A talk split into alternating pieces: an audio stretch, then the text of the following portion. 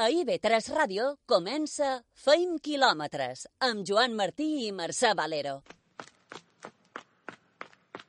Aixecat amb ganes de cercar la llibertat, de posar-me xandall i deixar d'estar aturat, agafar-se de i bugar al contravent, ser capaç de creure que pots el meu millor intent.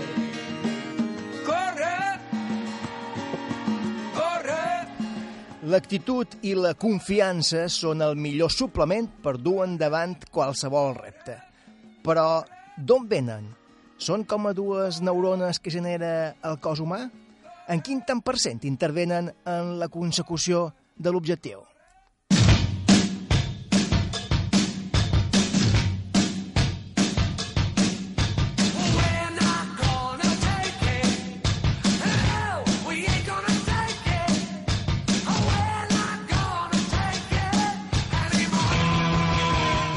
D'on ve la força de la confiança? De som parlem avui amb Raimundo de la Zera, psicòleg especialitzat en psicologia aplicada a l'esport, especialment al trail running.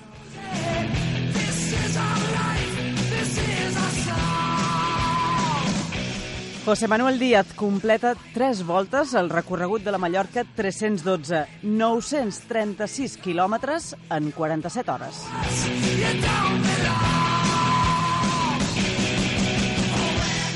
Àlex Urbina i Javi Pons, la parella de Model Trail Running, guanyadors en guany de l'Epic Volta a Menorca i de l'Ultra Trail del Montseny. Parlarem amb ells. Lucía Barca avui ens parlarà de la meniscopatia, com tractar i prevenir lesions a la zona del menisc.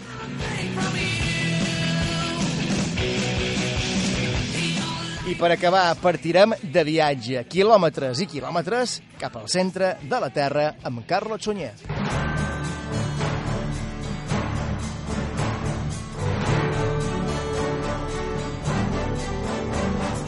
Abans, repasa l'actualitat. Alejandro Forcades i Neus Antic guanyen la cursa per muntanya de Puigpunyent. Sisena prova de la Copa Balear de curses per muntanya. Forcades va entrar seguit de Biel Gomila i Pau Bastard i Neus Antic es va imposar per davant d'Asma Famú i Sara Sanante. Radauan Nur i Raquel Gómez guanyen la mitja marató d'Eivissa. Una cursa multitudinària amb més de 700 finalistes. Nur ho va fer en una hora 10 minuts i Gómez va ser la millor amb diferència amb un temps d'una hora i 15 minuts. I en aquests 10 quilòmetres d'Eivissa, qui va guanyar? Victòria de José Carlos Anibarro i Indre Barcute. Mohamed Boutzeta i Gemma Llebrés guanyen la mitja marató de Magaluf. És l'anomenada Sol Half Marathon, una prova que enguany ha completat 300 persones. L'espanyol Bouceta va fer els 21 quilòmetres en una hora i 8 minuts i la mallorquina Llebrés en una hora i 23 minu minuts. Tots dos van imposar-se amb autoritat. I també a Magaluf, cursa de 10 quilòmetres que era, a més, campionat de Balears de la distància. I els guanyadors i, per tant, campions de Balears dels 10 quilòmetres van ser Antoni Gran, del club Amistat Fisioplanet, i Margarita Drové, de l'Iberostarinca. Sumant-hi també la milla i la cursa per als petits, hi va haver 1.400 participants. I el belga Coergens completa la Mallorca 312 en manco de 9 hores. 8 hores i 54 minuts per completar el recorregut que va fer en bona part en solitari, 260 quilòmetres des de la pujada al Puig Major sense rival. En canvi, la madrilenya Elena Breis va haver de competir més per creuar la meta com a primera classificada. Ho va fer en 10 hores i 49 minuts. I, per cert, feint quilòmetres, aquest programa recapta 404 euros per Rana. Gràcies a tots els que hi vau participar d'una manera o una altra amb la cursa Feint quilòmetres. La Fundació Rana, que fa feina per prevenir els abusos sexuals als infants, ja té l'aportació recaptada ara fa dues setmanes. La verdad que, que correr mola.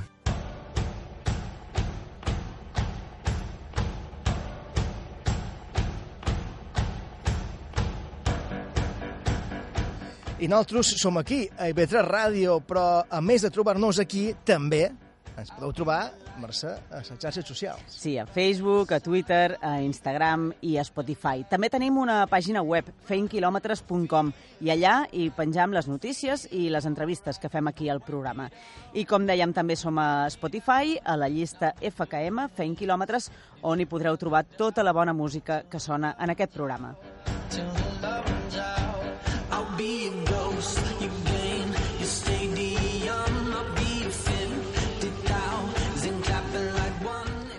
I a la ràdio ens podeu escoltar cada dilluns a les 6 o els dissabtes a les 7 del matí. Sí, perquè sabem que molts de corredors i corredores ens escolten també ben prest els dissabtes mentre van, per exemple, cap a alguna sí, cursa. sempre dèiem el mateix, Sí. però cert. Cada setmana hi ha un que ens ho diu. Sí. Sí. Dissabte de matí anava a entrenar, anava a córrer a Puigpunyent, te vaig escoltar. Uh, tenim xip, Tenim xip. Visca 20 quilòmetres!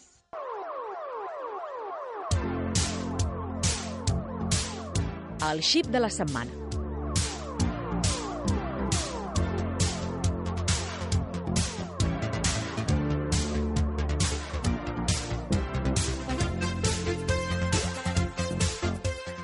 El xip de la setmana és el dorsal 1344 a la Mallorca 312 i el seu nom, José Manuel Díaz Palomares. El repte era fer tres voltes al recorregut de la Mallorca 312 en manco de 48 hores. així, com si res. Com si res. Les voltes de recorregut a 312 quilòmetres. I avui podem dir que prova superada. Benvingut, José Manuel Díaz, a 20 quilòmetres. Buenos días, muchas gracias. Estàs recuperat? Eh, estoy en ello, estoy en ello. Sí, perquè si dius que sí no te creurem. eh, 936 quilòmetres amb un desnivell acumulat de 15.150 metres i encara podem dir que t'ha sobrat una hora. Ho havíeu de fer amb 48 i en vas estar 47, o, o manco i tot. Bueno, pues sí, al final fueron 46 horas, 40 minutos aproximadamente, porque ya cuando llegué se me olvidó parar el tiempo con las emociones de llegar, de gente esperándonos, de amigos, y la verdad es que fue emotivo, duro, pero ya está hecho. Escolta, José Manuel, i vas poder mantenir el ritme a cada volta o el ritme anava minvant a mesura que anaven passant els quilòmetres? Bueno, pues la primera y la tercera vuelta la hicimos prácticamente en los mismos tiempos. Yo creo que la tercera vuelta fue la más rápida de todas. La segunda, porque eran las dos primeras las hicimos consecutivas, después paramos a dormir cuatro horas. Y la segunda fue la más dura. La segunda se nos hizo, hicimos las 14 horas raspadas, minuto arriba, minuto abajo, tardamos las 14 horas en hacerlo. I les sensacions quines van ser durant, tot aquest, durant aquestes 47 hores? Ganes d'acabar? Eh, vas gaudir de, del procés? Mm, Bueno, vas haciendo, vas disfrutando de alguna manera de- del proceso. Tienes pues, siempre en este tipo de pruebas de larga distancia momentos de mejores, momentos peores, pero hay que, re- bueno, también iba acompañado del campeón del mundo de ultrafondo, eh, una bestia. Yo, él me iba llevando, me iba a veces demasiado fuerte, le tenía que bajar un poco el ritmo, que bajase, que, yo era humano. No eh, no sé. y, y la verdad es que bueno que muy bien muy apoyado por él me ha ayudado mucho y, y bueno lo hemos conseguido Escolta, quan els participants de la Mallorca 312 dissabte començaven la prova a les 7 del matí, tu ja havies fet dues voltes al recorregut. Eh, ha estat en total més dur del que tu podies imaginar? Eh, sí era duro porque el acceso a Artá sobre todo era peor que los puertos. Nosotros los puertos los subíamos muy tranquilitos y luego eh, bajando y ya a partir de Sporlas en la zona entre comillas llana ya rodábamos más intensos. Pero la más dura la segunda, con diferencia. Con diferencia la segunda vuelta la peor. La tercera con mucha gente, muchos amigos animándote, dándote apoyo, dándote ánimo. Se hizo bastante más llevadera. I la segona més dura potser psicològicament o també físicament? Eh, bueno, físicamente, porque eh, digamos arrancamos a las 9 de la noche, llegamos a las 10, poco antes de las 10 de la mañana a Playa de Muro, y a las 11 y 5, 11 y 10 volvíamos a arrancar otra vez. Eh, habíamos comido un plato de pasta, una ducha, cambiar de ropa y, y otra vez a la carretera. Entonces, la entrada de esa noche ya se hizo más, más duro. Escolta, José Manuel, tot això no hauria tingut sentit si no hagués estat perquè tenia també una finalitat solidària, no? Sí, esto es una motivación extra, porque cuando estás pasando mal, dices, bueno, yo no me puedo retirar. Allí hay un compromiso social con estos niños de la Fundación Nemo. Y bueno, ese reto también está conseguido. Se han vendido, hicimos mil pulseras, como os conté, se han vendido 920 aproximadamente y creo que el dinero va a dar para comprar los objetivos que era la bici triciclo y el joystick. O sigui, eh, objectiu aconseguit doblement. Sí, el principal era este, conseguir eso, y lo otro ya el tema también personal de, bueno, de seguir, como yo digo, hasta ahora todo lo que me he propuesto lo he conseguido y para mí es una gran, una gran alegría, porque también esta vez me había subido mucho la apuesta. Ja, ja deus pensar en la següent o encara no? No. Tengo propuestas, pero de momento no quiero nada. No. Ahora correré la Copa de España de ultrafondo y, y luego ya en plan disfrutar un mil kilómetros en, en verano con familia y amigos. Quan, quan ets a Copa d'Espanya, d'ultrafons? La, el día 12 empieza la primera prueba, que son las 12 horas de Almería. Después hay una otra en Castellón el 26 y acabamos con las 24 horas de Cheste el 1 de julio. Que aquesta, aquesta ets guapa, eh? La de Xeste.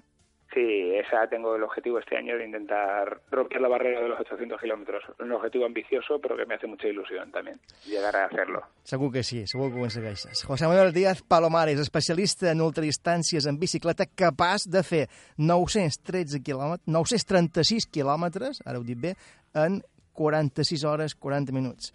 Moltes gràcies, José Manuel, per haver estat avui al xip de la setmana i enhorabona per haver aconseguit aquest doble repte.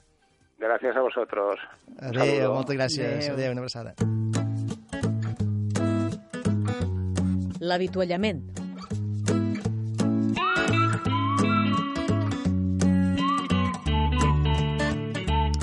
Obrim consulta, tenim ja Lucía Barca, fisioterapeuta, infermera esportiva i coach nutricional de Menorca Trainers. Benvinguda, Lucía, fent quilòmetres. Hola, hola, com estáis? Molt bé, i tu? Tot bé? Molt bé. Escolta, parlam avui de meniscopatia, tipus de lesions que es produeixen a la zona del menisc. Um, primer de tot, uh, què és el menisc? És un lligament? És un os? És un múscul? Pues aparte de una, de una estructura que se lesiona con, con mucha frecuencia y que lo hemos oído, los meniscos son estructuras de fibrocartílago situadas en la meseta tibial, en la parte de arriba de la tibia. Tienen forma de C, dos Cs que se miran, y sobre ellos ruedan y descansan los cóndilos del fémur, es decir, sobre ellos articulan. Poseen una función de estabilización de la articulación de la rodilla y además, muy importante, absorben el impacto del choque entre las superficies articulares, aumentando la superficie de contacto y protegiendo toda la zona de la rodilla. Clar, quan parlam de meniscopatia, parlam de tipus de lesions que es produeixen en aquesta zona, no? Quin, Eso es. quin tipus de lesions s'hi s'hi poden produir exactament? Pues mira, encontraremos, para empezar, lesiones degenerativas, es decir, del envejecimiento. Con los años, la actividad, los meniscos se van resecando, deshidratando, hasta que casi de forma natural se terminan por romper, resquebrajar y acaban, pues eso, degenerando. Luego otro tipo de lesión que tenemos son las traumáticas, por presión, aplastamiento, con una violenta rotación de la rodilla. Por ejemplo, un cambio de dirección mientras corremos o sí, mal. Sí, una, una, repentina, una repentina hiperextensión, una caída, un golpe, en ese gesto brusco podemos sufrir, pues eso, un, tanto una fisura como, como una rotura y que se nos quede un trozo de menisco por ahí bailando y nos de guerra. O luego tenemos también otro tipo que son las mecánicas, que es por un fallo en el funcionamiento, debido a alguna deformidad, alguna alteración biomecánica que dará lugar a estas lesiones. Por ejemplo, alteraciones de la pisada o alteraciones de la lumbar. Uh -huh. Per saber si hi ha trencament de menisc, com ho saber, això? Pues mira, si, si nos hacemos daño en la rodilla, pues es difícil de saber analíticamente si- sin ir a ver a nuestro fisioterapeuta o médico, pero bueno, os puedo decir que podemos notar un dolor en cara interna o bien cara externa, porque como explicábamos tenemos dos meniscos y en función si se ha lesionado uno u otro, ese dolor tenderá más hacia un lado o hacia el otro, hacia interno hacia externo, que se irradia hacia la parte posterior de la rodilla. Puede aparecer edema, inflamación, por supuesto, impotencia funcional, que nos dará dificultad para movernos, para caminar. Otro síntoma frecuente es la sensación de inestabilidad o un chasquido o fallo articular. Esto que cuando doblamos clic y como que se nos queda bloqueado. Esa sensación que se llama de bloqueo o encasquillamiento de la rodilla es muy común. Clar, Lucía, però amb, amb, un, amb el menisc trencat mm, no pots caminar correctament, o sí? Mira, hay de todo, hay de todo. Nosotros aquí en el servicio de fisioterapia tenemos pacientes que nos derivan traumatólogos o que vienen, pacientes con el menisco roto que no se han querido operar o que han llegado al acuerdo con su traumatólogo y lo que hacen es fortalecer muy bien la rodilla y, siguen haciendo actividad. Tenemos corredores, tenemos que están con su menisco roto. También son roturas pequeñas o si son cosas muy severas, por supuesto ahí el trauma ya ellos son los que deciden, pero suelen, suelen intervenir. Pero con roturillas y tal hay gente que fortaleciendo muy bien la musculatura, mm, siendo cautos y tal, siguen haciendo actividad. Te digo que esto, luego lo principal es que la sintomatología y todo esto dependerá muchísimo de cada paciente. Y luego, siempre que notemos algún dolor de este tipo, acudir al traumatólogo para que nos haga test funcionales, pruebas de imagen i nos dé el, el plan de tractament a seguir. Clar, per tant, així haver gent que va pel món amb els manís trencats sense saber-ho. También algunos casos hay lo que se dan cuenta al tiempo, o normalmente suele darse algo de sintomatología, pero ya te digo, es que estas cosas dependen mucho de cada paciente. Habrá el que no pueda caminar o habrá el que tenga una molestia y siga haciendo vida normal. También depende de nuestra actividad deportiva. Mm. I per prevenir aquest tipus de lesions, què hem de fer? Para prevenir, pues tener precaución con posiciones de flexión o extensión máxima, con cargas, como sentadillas profundas con mucho peso, ejercicios que impliquen rotaciones muy bruscas, saltos con mucho impacto si no tenemos una buena musculatura, o posiciones mantenidas sobre rodillas, o, gestos que, o actividades que nos puedan provocar impacto sobre, sobre la rodilla. Luego, por supuesto, ser moderado con nuestra, con nuestra actividad deportiva y progresivo. Es decir, también un aumento muy fuerte de la actividad mm, puede generarnos un estrés en la articulación y también que se resientan los meniscos. Una buena musculatura, fuerte, activa y bien estirada es nuestro seguro de vida, siempre os lo digo, y más en la rodilla. Y vigilar, lo que os comentaba antes, la espalda y la pisada. Una visita al podólogo si sospechamos que mmm, caminamos mal, tenemos pie plano, demasiado cabo, siempre es interesante visitar al, al, podólogo que nos eche un vistazo y que nos diga si necesitamos compensar. Y luego, como siempre, buena, buena alimentación y buena hidratación. Al final sempre és tot el mateix. Sí. no té misteri. Eh, uh, molt bé, molt interessant, Lucía. Escolta, per la setmana que ve crec que tens una proposta innovadora, o, o, o, o almenys per manco per nosaltres dues. Sí, sí, sí, podemos hablar, había pensado de nuevos métodos de, de entrenamiento que, que, están, que están saliendo. Recientemente he estado en una formación en, en Madrid que nos hablaban sobre estas cosas y nos hablaron de un método de entrenamiento que se llama Katsu. Si, si os parece, os, Katsu, os doy más Katsu. información. Havies sentit, Mercè? No. Suena, suena de lejos, ¿verdad? Sí. Katsu, eh? Uh, Katsu. Katsu. La setmana que ve. Molt bé. Aprendrem la setmana que ve sobre aquest nou mètode d'entrenament, que per nom diria que ha de ser japonès o... Mm, no vas mal, no, no vas Ha de ser de mal. per allà. Molt bé, moltes gràcies, Lucía, i a la setmana que ve ens ho expliques. Claro que sí. Gràcies. Un beso a Adéu, todos. una abraçada. Adéu, adéu. Ara farem una aturada i tornem tot d'una. Zona d'avituallament. Tot d'una continua, feim quilòmetres. L'entrevista.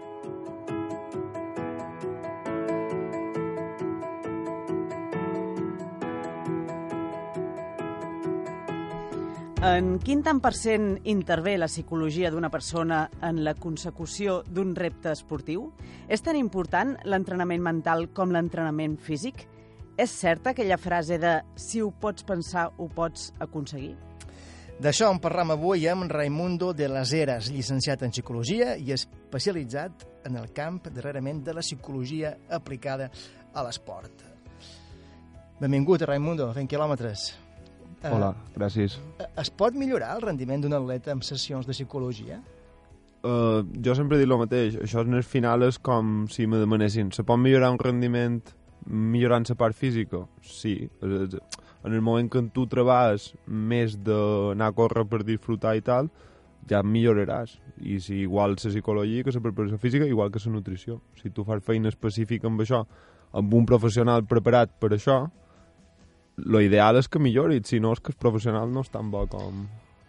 Quan parlam de psicologia, parlam, com deia ara na Mercè, d'actitud i, i,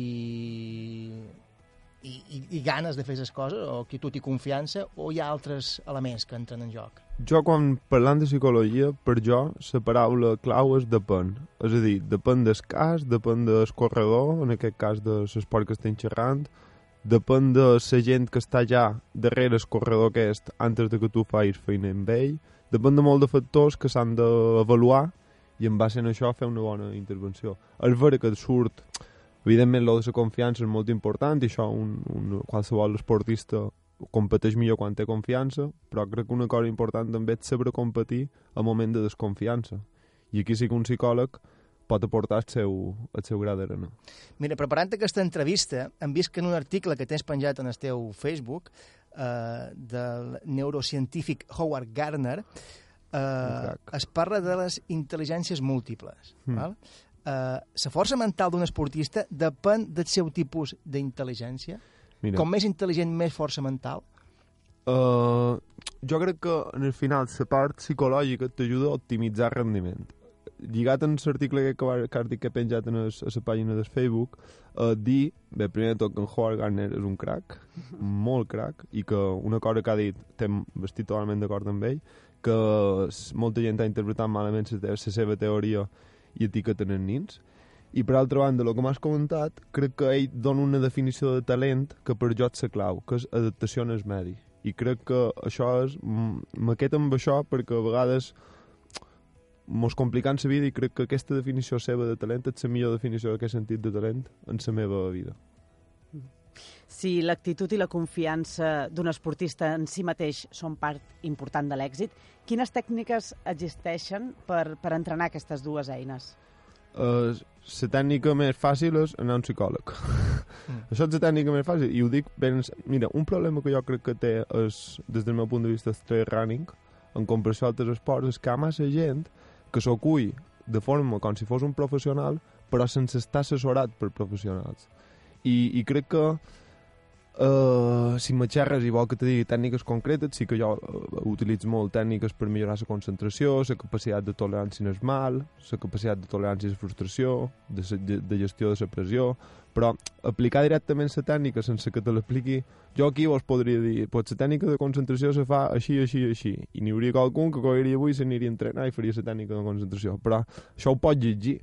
En el final, el que te dona la qualitat és anar un professional adequat I que sap interpretar quin tipus de corredor ets, quin tipus d'intel·ligència tens. i que necessites. És que un problema que tenim a l'esport és que per ell que és que és bo a l'esport ja s'ha de dedicar a això. I, I no és així. És a dir, uh, a lo millor també un, com diria, qualcú... que- Clar, clar, tu ara, per exemple, estàs amb en Tòfol Castanyer, eh, eh, el tens, l'ajudes. Eh, en quin tant per cent pot millorar el seu rendiment eh, des de que participa en sessions de psicologia? Bueno, primer dir que poden dir que faig feina amb en Tòfol Castanyer perquè ell ho ha dit primer, públicament. Uh, en quin tant per cent el puc ajudar jo? pues, no sé, supos que he portat el meu gra dins tota la gent que l'assessora i tota la gent que està darrere uh, fent feina amb ell. He portat el meu gra d'arena, en la part més, més psicològica. Pot tolerar potser un poc més eh, es mal, ara, en, en Sí, carrera? sí ell, ell ja ho ha dit públicament que, que una, una feina que vam fer plegats va ser el tema de la tolerància i el dolor. Uh, partint de la base que quan tu fas una carrera de 120 quilòmetres o més, en qualque moment apareixes mal. ¿vale? Si no apareixes mal, és que vas caminant. I si vas caminant també apareixeràs mal. En la qual, contraveure aquest mal quan t'apareix és, és molt important, perquè pot ser un, des, pot ser un estímul que desconcentri molt els esportistes. I treballar bé això, és, quan estem xerrant d'aquest esport, crec que és, és important. I fins i tot gent amb tanta experiència com en Tòfol Castanyer, que ha fet centenars de carreres d'aquest estil, tenen marge de millora en aquest sentit? Mira, el que dona l'experiència per jo és intel·ligència. I en Tòfol Castanyer, des del meu punt de vista, és un dels esportistes més intel·ligents en els que ha fet feina. Clar, però això és el que te demanava al principi. O sigui, si intel·ligència depèn també del rendiment que puguis tenir com a esportista quan faig sessions de psicologia aplicada en el seu running, Sí, perquè per jo ser intel·ligent és ser humil. I ser humil, en el final, te deixes assessorar. I crec que en Tòfol Castanyer té, és, és un... M'ha donat una lliçó ja d'humilitat molt grossa perquè, mm, ja veus, algo m'escolta de lo que li dic. I, I no sé, crec que crec que és molt important això. Això que han dit ara crec que és molt important. Parlam amb en Raimundo de las Heras, psicòleg especialitzat ara en psicologia aplicada a l'esport i concretament, en aquest cas, en el trail running. Actualment, un dels mm, camps d'estudi de la psicologia aplicada al trail running és això, no? En què consisteix, bàsicament? En, en tot això. Però molt, és molt més ampli, imagino. Buf. És que, psico- és que no te l'acabaries, la psicologia. És que la psicologia té moltes... Com que te dic, depèn de cada persona. Jo sí que crec que el que més podem aportar en el trail running a dia d'avui crec que és, en els que no són professionals, a, a saber compaginar el trail running, la família i la feina. Que, que crec que hi ha gent que també s'ha obsessionat amb això i ha Mm. deixat de banda moltes coses. Aquí volia anar ara, també. L'accés de motivació a vegades també pot ser un obstacle per la consecució d'un Claro, objectiu. claro. Perquè Però som tant amb el running com amb el futbol, com, com en tota ba- la vida, com en tota la vida. És a dir, és com si tu ets molt bo a la teva feina, però l'únic que fas és fer feina. Pues tens un problema. Perquè no tens... I si un dia te va malament la feina? I t'ho t'ho dic per experiència. I, i, si un dia, I si un dia te va malament el, el, el trail running, el que te de que a tots, el que enganxa el trail running a nivell psicològic és que eh, en comparació amb el futbol, per exemple, tu, quan corres, tot d'una, res que canvies coses ja millores la teva marca. Vas millorant, vas creixent, vas creixent, vas creixent, vas creixent. I això enganxa, perquè te sent bo, perquè ets bo. En el final, què passa? Que en el, en el deport de contacte i d'equip hi ha moltíssimes més variables que entren. I el running, en la seva essència, és brutal. Jo disfruto d'anar a córrer, però no hem de perdre el nord, com, com aquell que diu. Et saber compaginar això jo crec que amb esportistes no professionals seria el primer a tocar, crec que lo, hem de començar per lo més important, i després sí que amb esportistes professionals no no podem anar allà totes aquestes coses que us he comentat. A part de la tolerància normal, un altre aspecte que pareix fonamental és la gestió de la pressió. La gestió de la pressió és qualsevol esportista, pues, lo típic, per explicar-me fàcil, el típic jugador d'entreno de futbol, és a dir, que juga bé quan t'entrena. pues el running té el mateix, que quan, molta gent quan t'entrena en, en seu grup i tot això, pues, entrena molt bé, però el dia que ha de competir no, no competeix tan bé. Has tocat tu ara el tema de la pressió eh, en el futbol. Hem de dir que fa un mes i mig te vas integrar a la plantilla o a l'equip de l'Atleti Balears i fa més o menys un mes i mig l'Atleti Balears comença a anar bé. De fet, la dinàmica és positiva ara mm, estem parlant de que queden dos partits i és molt probable que, que, que, que mantengui la categoria. Quan fa cinc partits eh, era més difícil pensar això. Què creus que has aportat a l'Atleti Balears? pues, jo crec que he portat el meu gra d'arena i ja està. També ha coincidit que jugadors importants s'han recuperat, com en Xisco, ha coincidit que tot l'equip està molt unit, uh, i que l'entrenador també està fent molt bona feina. Sí, però amb aquesta resposta no té... O sigui, no, no, no, la teva feina no, no té res a veure. Bueno, o sigui, els que han de jutjar la meva feina són, és, sobretot... En Què has man- aportat tu a Balears? Els- Els has intentat fer veure la pressió d'una altra manera? Jo Has... he, portat allà a fer feina específica a nivell psicològic, és a dir, tu a un, a un esport d'èlit pues, tens nutrició a nivell específic, preparació física a nivell específic, medicina a nivell específic, periodisme a nivell específic, pues jo he portat psicologia a nivell específic. He portat el meu gra d'arena i, i en el final els importants són els jugadors i l'entrenador i, i estoy aquí para hablar de trail running. Escolta, d'aquí a poc, dia 18, eh, del 18 al 20 de maig, eh, es disputa una altra edició de la Menorca eh, Trail Camí de Cavalls. Quina és la millor manera d'afrontar prèviament eh, 196 quilòmetres? Ja sé que cada corredor eh, Té és únic, té el seu, però en general, què pot fer un per afrontar aquesta distància prèviament? Pues jo crec que anar a disfrutar. És millor, jo me'n dono compte en els esportistes quan el que millor va per gestionar la pressió és aprendre a disfrutar de la competició. El problema que, que té qualque esportista és que a l'entrenament va disfrutar i la competició de repente pues, vull quedar primer, vull guanyar, no sé què tal. I en el final el guanyar o es perd bé quan han de venir i per lo que hagin de venir. I, i lo important és disfrutar perquè crec que... I després també m'agradaria una cosa. També crec que és molt important que tots els gels i tots els plàstics que se consumeix pues, que se guardi que no se tiri per la muntanya. Ja que aprofit per dir-ho. Bon apunt, sí, sí. Sí, perquè crec que això també és important, perquè no hem de perdre, no, no hem d'explotar, crec que hem hem de- hem d'aprofitar que tenim les muntanyes que tenim per, perquè duri molt de temps, això. Mm. Escolta, per anar acabant, quan més gran és el repte eh, a nivell d'una ultradistància, mm, més força mental es requereix? És bona aquesta pregunta. No sé què dir-te. Perquè, clar, És que si depèn dels corredors, potser una depèn- persona mira, que fa 10 quilòmetres sí. necessita molta preparació mental. Si, si el repte canvia molt de distància, sí que és important que s'entreni bé ni la part física. Uh, si, si és un repte que tu has entrenat bé, sí que és important, jo crec, no canviar els objectius. Si a tu te funciona anar a disfrutar, i quan vas a Sant Silvestre del teu poble, ets el jefe, quan tens el repte important, ara m'explico així per, per explicar-me fàcil, quan tens el repte important, vés a disfrutar.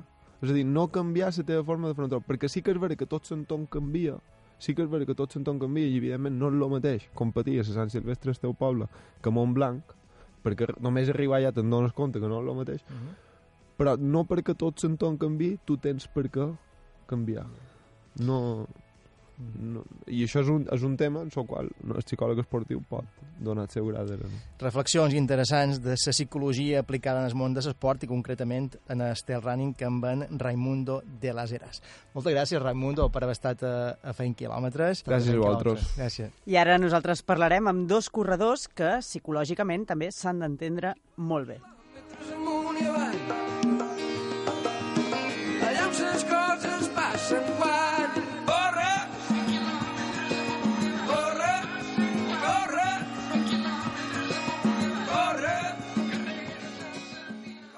We can run to the mountains.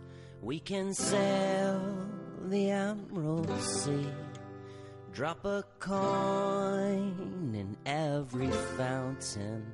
It comes true when I wake up and I see you next to me.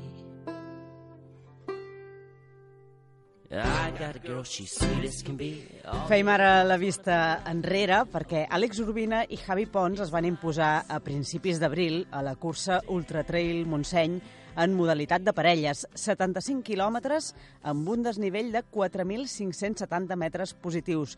Van arribar a la meta amb un temps de 10 hores i 10 minuts.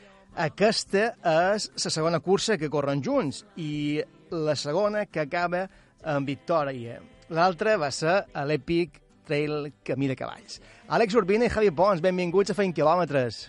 Hola, hola, hola benvinguts. Àlex, Javi, uh, millor córrer en companyia que córrer tots sols? Uh, estones, sí. sí, sí, jo, jo sí, jo, jo m'agrada més, la veritat que m'agrada més perquè tens un company allà quan ho passes malament que t'ajuda, que de manera individual no ho tens. Uh, uh, Javi, uh, la idea aquesta de participar en una cursa uh, en parès, ho veig en el fet de que sabíeu que podíeu guanyar o simplement en el fet de voler córrer junts? No, no, va ser idea sobretot d'anar a l'Exurbina perquè enguany no podia venir a fer de cavalls perquè té la graduació de lo que està estudiant i me va, bueno, me va proposar Javi, què et sembla si, si fem, fem junts i a veure què tal. I va, va començar així, bueno, van començar a xerrar i, bueno, i entrenar junts no, perquè jo estudia fora i això, però anaven comparant entrenaments i, i ritmes i això. I, bueno, vam intentar, vam, vam provar l'experiència i ja ho havia fet amb, amb en David Pérez fa dos anys i, li, i li, va dir que li havia agradat molt i, bueno, jo era la primera vegada i la veritat que vam disfrutar, bueno, jo vaig disfrutar molt, vaig passar molt de gust, és el que diu ell, quan un dia estàs bé, tu estàs superbé, i, i acompanyes en el company, i quan no estàs bé, el company t'ajuda a tu. I, I en aquest aspecte sí que està superbé. Mm. Aquesta victòria del Montseny va ser posterior a la victòria a l'èpic Camí de Cavalls. Teníeu aquestes dues curses programades o una va ser conseqüència de l'altra? No, no, la segona va ser ja arrel que la primera havia anat bé. Sa, realment, la que nosaltres vam estar preparant era l'Epic, perquè resulta que l'Epic va ser un cúmul de conseqüències, perquè resulta que jo volia fer Gran Canària, després va aparèixer, gràcies a en Joan, l'organitzador i tal, que la podíem fer. Eh, en principi anaven a fer la curta, jo me vaig quedar sense inscripció a Gran Canària i van fer l'Epic. Va ser un cúmul de conseqüències. Després l'Epic la van preparar, ja t'ho dic com ha dit en Javi, per, per WhatsApp, que tenim un grup, anaven comparant, i després ja el següent va ser Montseny, perquè ja havien guanyat, i deia, vinga, va, anem a provar una altra. I ara tindrem que provar la tercera, com diu en Javi. Clar, perquè la, la vau córrer, però no la vau entrenar junts, perquè eh, crec, Àlex, que tu també ets menorquí, però no vius a Menorca, i en Javi és menorquí i viu a Menorca, per tant... Clar, jo visc sí. a, a Salamanca, eh, jo és una cosa molt rara, quan jo soc un menorquí que mai està a Menorca. Soc, uh, soc de Menorca, estudia a Salamanca, l'any passat vaig estar d'Erasmus a Porto i la meva nòvia és de Manresa. Per tant, estic per tot menys a Menorca. I, i, i clar, i els entrenaments eren per WhatsApp, no? Javi us deia una mica, avui he fet això, avui he fet allò, tu què has fet? Sí, sí bueno, algo així. Sí, comparàvem temps i desnivell i els ritmes que dus eh, desnivell i els ritmes que dus en pla i, bueno, la veritat que van dir, ostres, doncs estem bastant, bastant iguals i, i bueno, després ens van compenetrar bastant bé a l'hora de córrer junts i ens entenem molt bé i no hi ha discussions, és una... no, no és amor-odio. Clar, perquè els entrenaments havien de ser a la part, un no podia entrenar a unes distàncies més curtes o o, o en manco desnivell que l'altre, perquè després sí No. que hauria estat més complicat esperar-vos durant la carrera. Exacte, sobre, sobretot cara a Montseny va ser més tema de desnivell, perquè ell, ell ho tenia molt bé perquè estava entrenant a Península, però aquí a Menorca, com sabeu, desnivell en tenim no tenim res.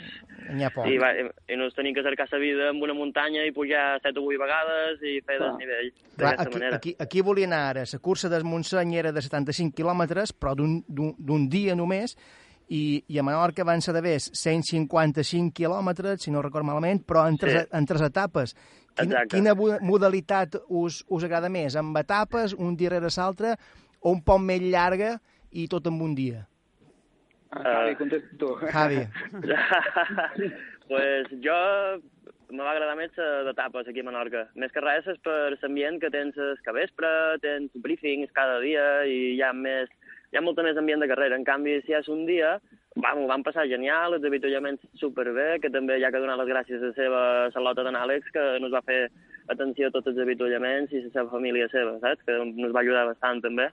Però responguent pregunta, la veritat que per etapes, més que res, per l'ambient que hi ha després i durant els tres dies. Eh, lo, lo, xulo, lo xulo és les etapes que, que al final de cada dia te reuneixes, com diu en Javi, el briefing és, per qui no ho sàpiga, és l'explicació del dia següent de lo que faràs i tal, i donen una entrega de dorsals, de líder, i tot aquest ambient fa, fa més pinya. La Epic també és una carrera de, de més pinya, més ambient, més eh, companyerisme, i Ultra Montseny és més eh, a machete, diguem, més, més de competició.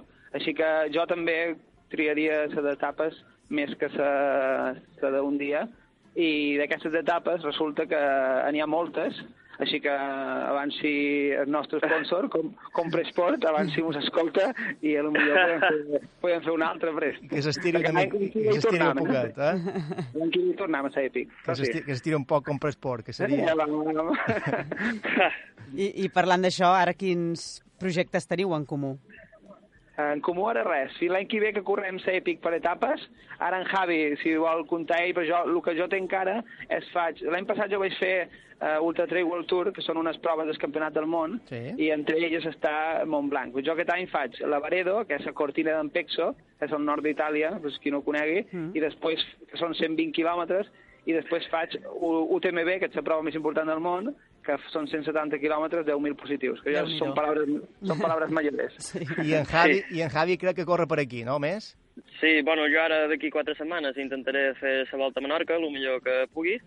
La volta sencera. I, sí, la volta sencera, 185, i llavors eh, int estem intentant de mirar que jo també vagi a la Varedo i anar juntament amb Àlex, però bueno, no és per parella, simplement sortirem junts i si podem entendre ritme dos, genial, i si no, pues un que vagi millor els altres, perquè no, al final aquí és, car és carrera individual, però bueno, si podem gaudir de fer quilòmetres junts, millor que millor, perquè nos va bé. Bé, aquesta de l'Aredo no seria una prova per parers o en equips, però sí que us pot servir com a bon entrenament per, un- per, per, per l'any que ve, per exemple.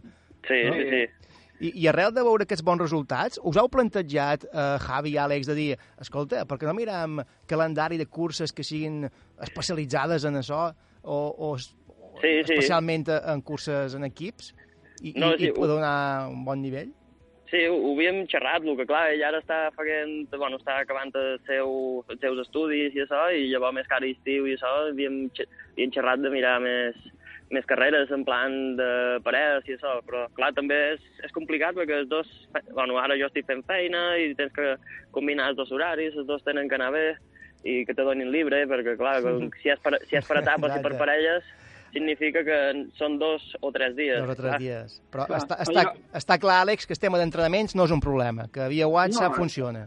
No, a part, a part del tema, el tema WhatsApp, que, que vosaltres parlau, no sé si per, per la ràdio es poden dir marques, però hi ha, hi ha una aplicació que és Ja, com ja un Facebook. unes quantes. vull dir. és, és com un Facebook de corredors que es diu Strava. Per qui no Sí. ho coneguin, allà, allà es pugen els entrenos, si tu veus el que ha fet el company, el pots espiar un poc i dius, mira tu, aquí, aquí saps, pots comparar. I la veritat és que l'Strava aquest va molt bé. Mm. I després de carreres n'hem mirat... Jo n'he mirat unes quantes, perquè jo sóc un friqui de, de, de cercar més que en Javi. Sí, sí, bastant, bastant I, més.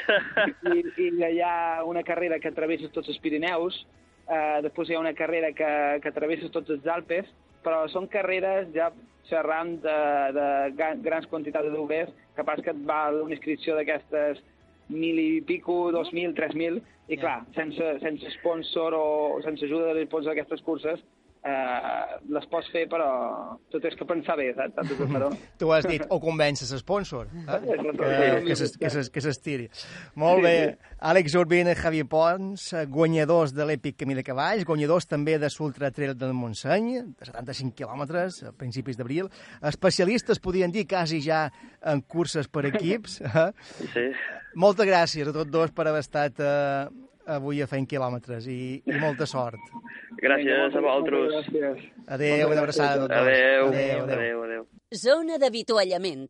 Tot d'una continua, feim quilòmetres. Correm i llegim.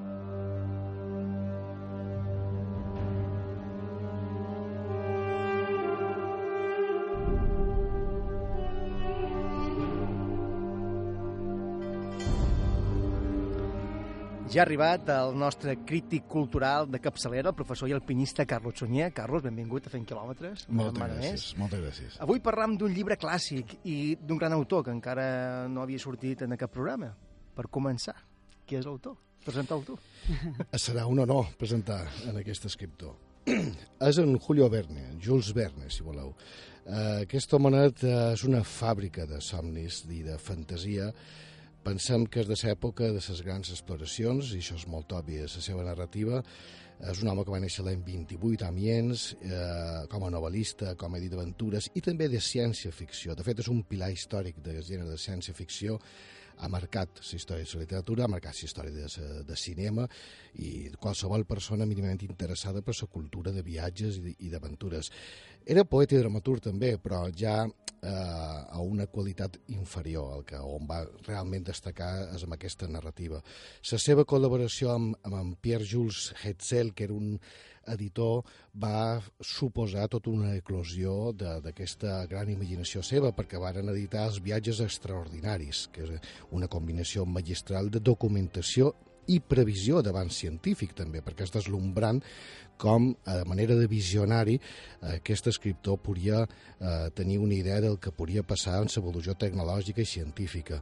Llibres com Sis setmanes en globus, de la Terra a la Lluna, 20.000 llegües de viatge submarí són, són referents a història de la literatura.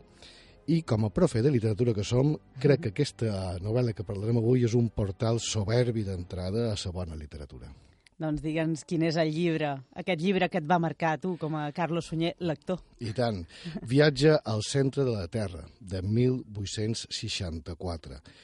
Uh, efectivament, Mercè, jo em va marcar i molt, perquè era una lectura obligatòria de tantes que te fan llegir a l'escola, però eh, després de les primeres lectures de nin, aquesta per jo va suposar un, un enamorament cap a la lectura en si. Eh? I ja no em va abandonar, eh, no, segueix fidel en aquesta, en aquesta addicció. I ja una vegada seduït ja pel cinema d'alguna manera, aquesta literatura, aquest llibre, aquesta, aquesta narració tan extraordinària eh, va fer Diana el plaer de viatjar, que és tota bona lectura.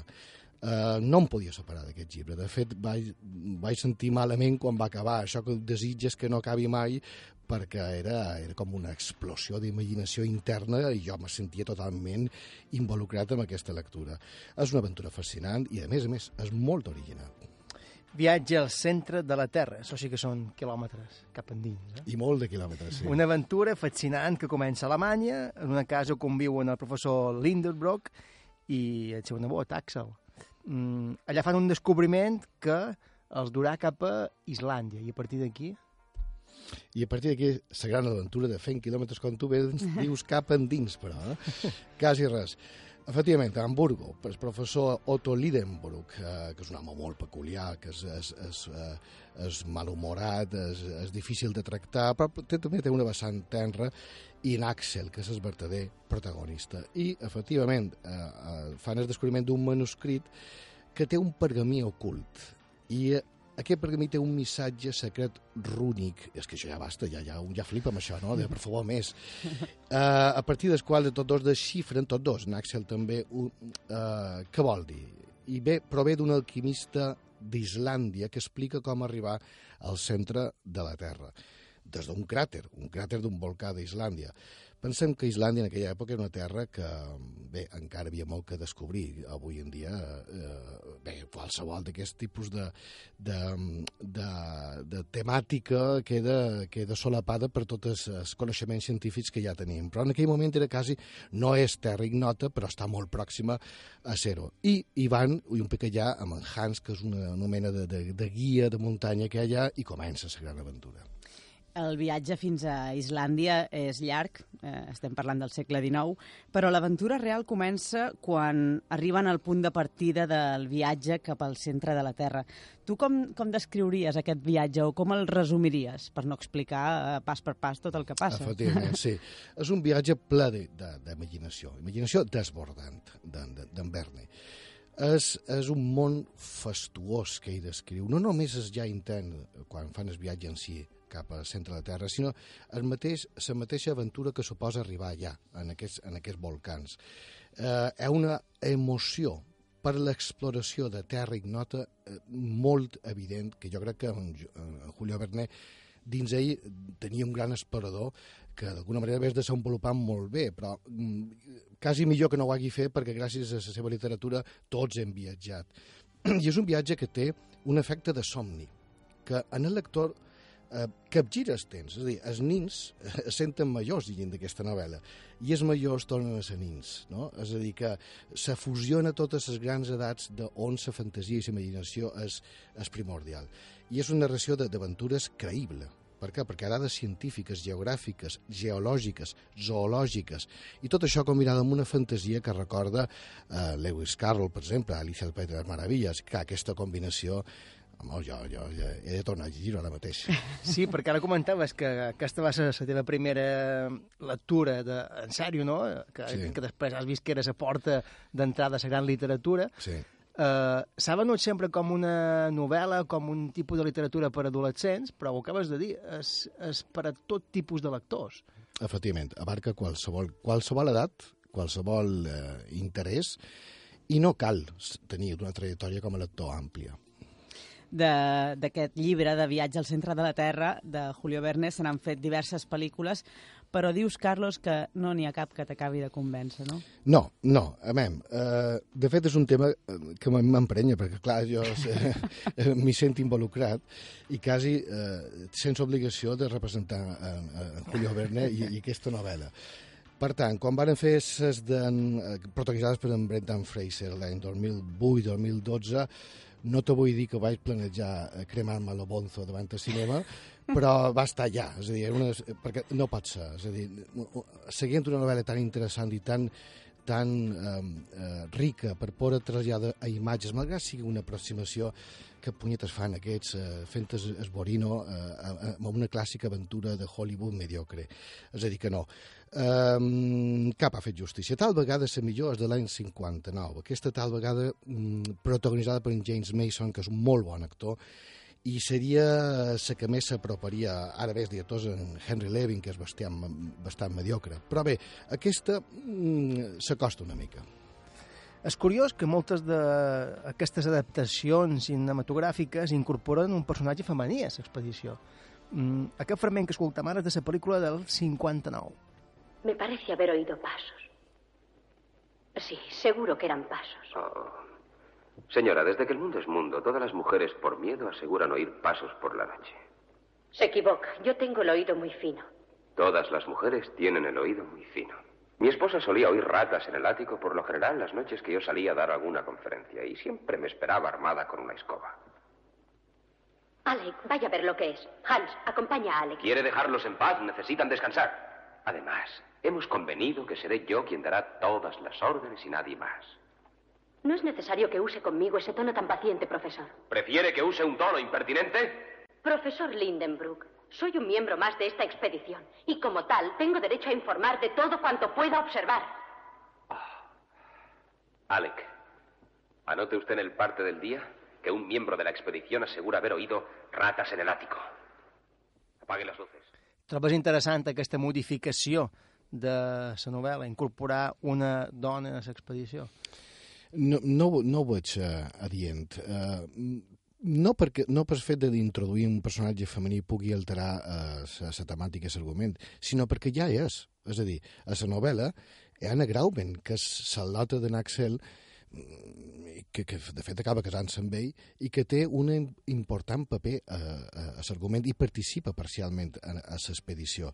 El, el, que, el que, el que me resisteix a, a acceptar és que aquests, aquests personatges eh, de cinema eh, clar, cerquen un magnetisme de- d'imatge i de eh, incidint en arquetips femenins que van contra el que mateix Julio Verne tant d'anys enrere mai hagués fet. De fet, en Graubel, en- a la novel·la, és més intel·ligent, és més sensata i no eh, suposa el fet de la dona un, un canvi que pugui eh, induir a una atracció extra eh, a una obra tan, tan, tan, tan ben escrita. Bé, com deies abans, haurem de seguir esperant per veure una bona adaptació cinematogràfica o potser creus que és millor quedar-se amb el llibre i no rompre aquesta màgia amb una pel·lícula? Clar, jo me quedaria amb el llibre, sí. Uh, ara bé, es pot apropar perfectament, com no, no estem parlant d'altra literatura tampoc, és a dir, és una literatura molt bona, el que passa que la conjunció d'elements fa que sigui una novel·la especial, no? com, com altres d'en de, Julio Verne. Però és possible, és possible una adaptació digna, que unís eh, classicisme amb independència d'estil i un pot d'atreviment. És a dir, una simbiosi de, de Spielberg i Tim Burton seria, seria perfecta per fer una... Jo, jo li donaria el vistiplau. Viatge al centre de la Terra va ser el segon dels 54 viatges extraordinaris que va publicar Jules Verne, Julio Verne. Uh, nat, per cert, a Nans el 1828, no, 1928, 28, M'he equivocat. 1828 deu ser, no? Meves... Sí, sí, sí. Òbviament m'he equivocat. Sí. i va morir a Amiens el 1905. Uh, no sé quants te n'hauràs llegit, Carlos, però per tu quin és el millor llibre de Jules Verne? Bé, després d'aquest em vaig llegir un grapà, clar, eh, i tots són Verne. Ma- Malgrat les obres menys, amb més rellevància, també se nota aquest estil i aquesta força que té ell. Um, ara bé, eh, crec que 20.000 llegües de viatge submarí és l'apoteosi de la seva narrativa curiosament escrita 10 anys abans de viatge al centre de la Terra i d'alguna manera ja encara estava ell amb aquesta explosió de, de, de gaudir imaginant-se aventures mentre les estava traslladant a la seva narrativa. Um, important tenir clar que tot el gènere d'aventures, també cinematogràfic i tot aventurer, directe o indirectament, està en deute amb Julio Verne. I tot aventurer fa quilòmetres, sempre. Sempre en fa, i no atura. Viatge al centre de la Terra, quilòmetres terra endins. Aquesta ha estat la gran aventura que ens ha recomanat avui en Carlos Sunyer. Carlos, moltes gràcies una setmana més per haver passat per fent quilòmetres i t'esperàvem dilluns que ve. A vosaltres, Joan i Mercè. I fins aquí el programa d'avui. Un viatge al centre de la Terra pot estar molt bé, eh? Mm, ves i tu, eh?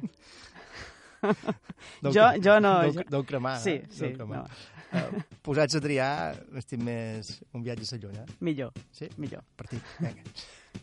Adeu i fins la setmana que ve. Fly me to the moon. Let me play among the stars. Let me see what spring is like on Jupiter and Mars. In other words, hold my hand. In other words, baby, kiss me. Fill my heart with song. Let me sing forevermore. You are